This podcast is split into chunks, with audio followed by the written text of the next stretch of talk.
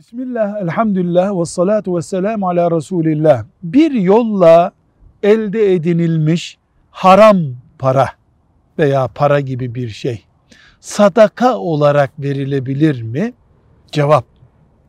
Bir kere bunun sahibi varsa çalıntı, malıntı, gasp gibi bir paraysa sahibine geri verilecek.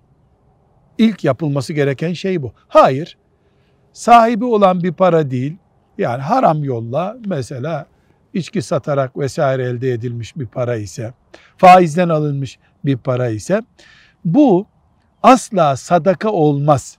Sadaka verilebilen bir yere verilip vebalinden kurtulunur. Yani bir vakfa götürülür, o vakfa bırakılır ama niyet sadaka niyeti olmaz. Günahından kurtulmaya sebep olsun diye bırakılır veya bir fakir Müslümana verilir ve ona da bu para haramdı. Onun için bu vakfa veriyoruz veya buraya sana veriyorum bunu demeye de gerek yok. Velhamdülillahi Rabbil Alemin.